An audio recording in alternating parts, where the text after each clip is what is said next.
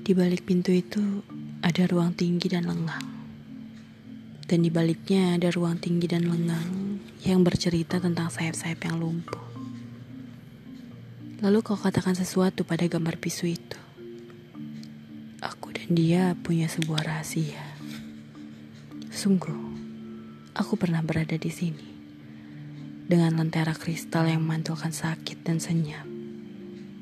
Dan tubuhku kadang ada, kadang tidak.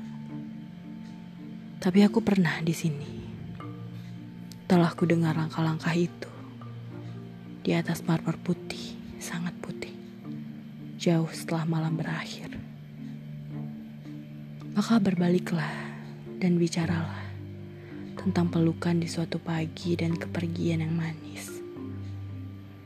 Karena jika pintu itu terbuka lagi, takkan ada seorang pun di sana. Cuma dingin yang menyusup ke kuku. Dan seorang asing yang menjaga figura-figura tanpa kanvas. Dan sebuah peti yang terbujur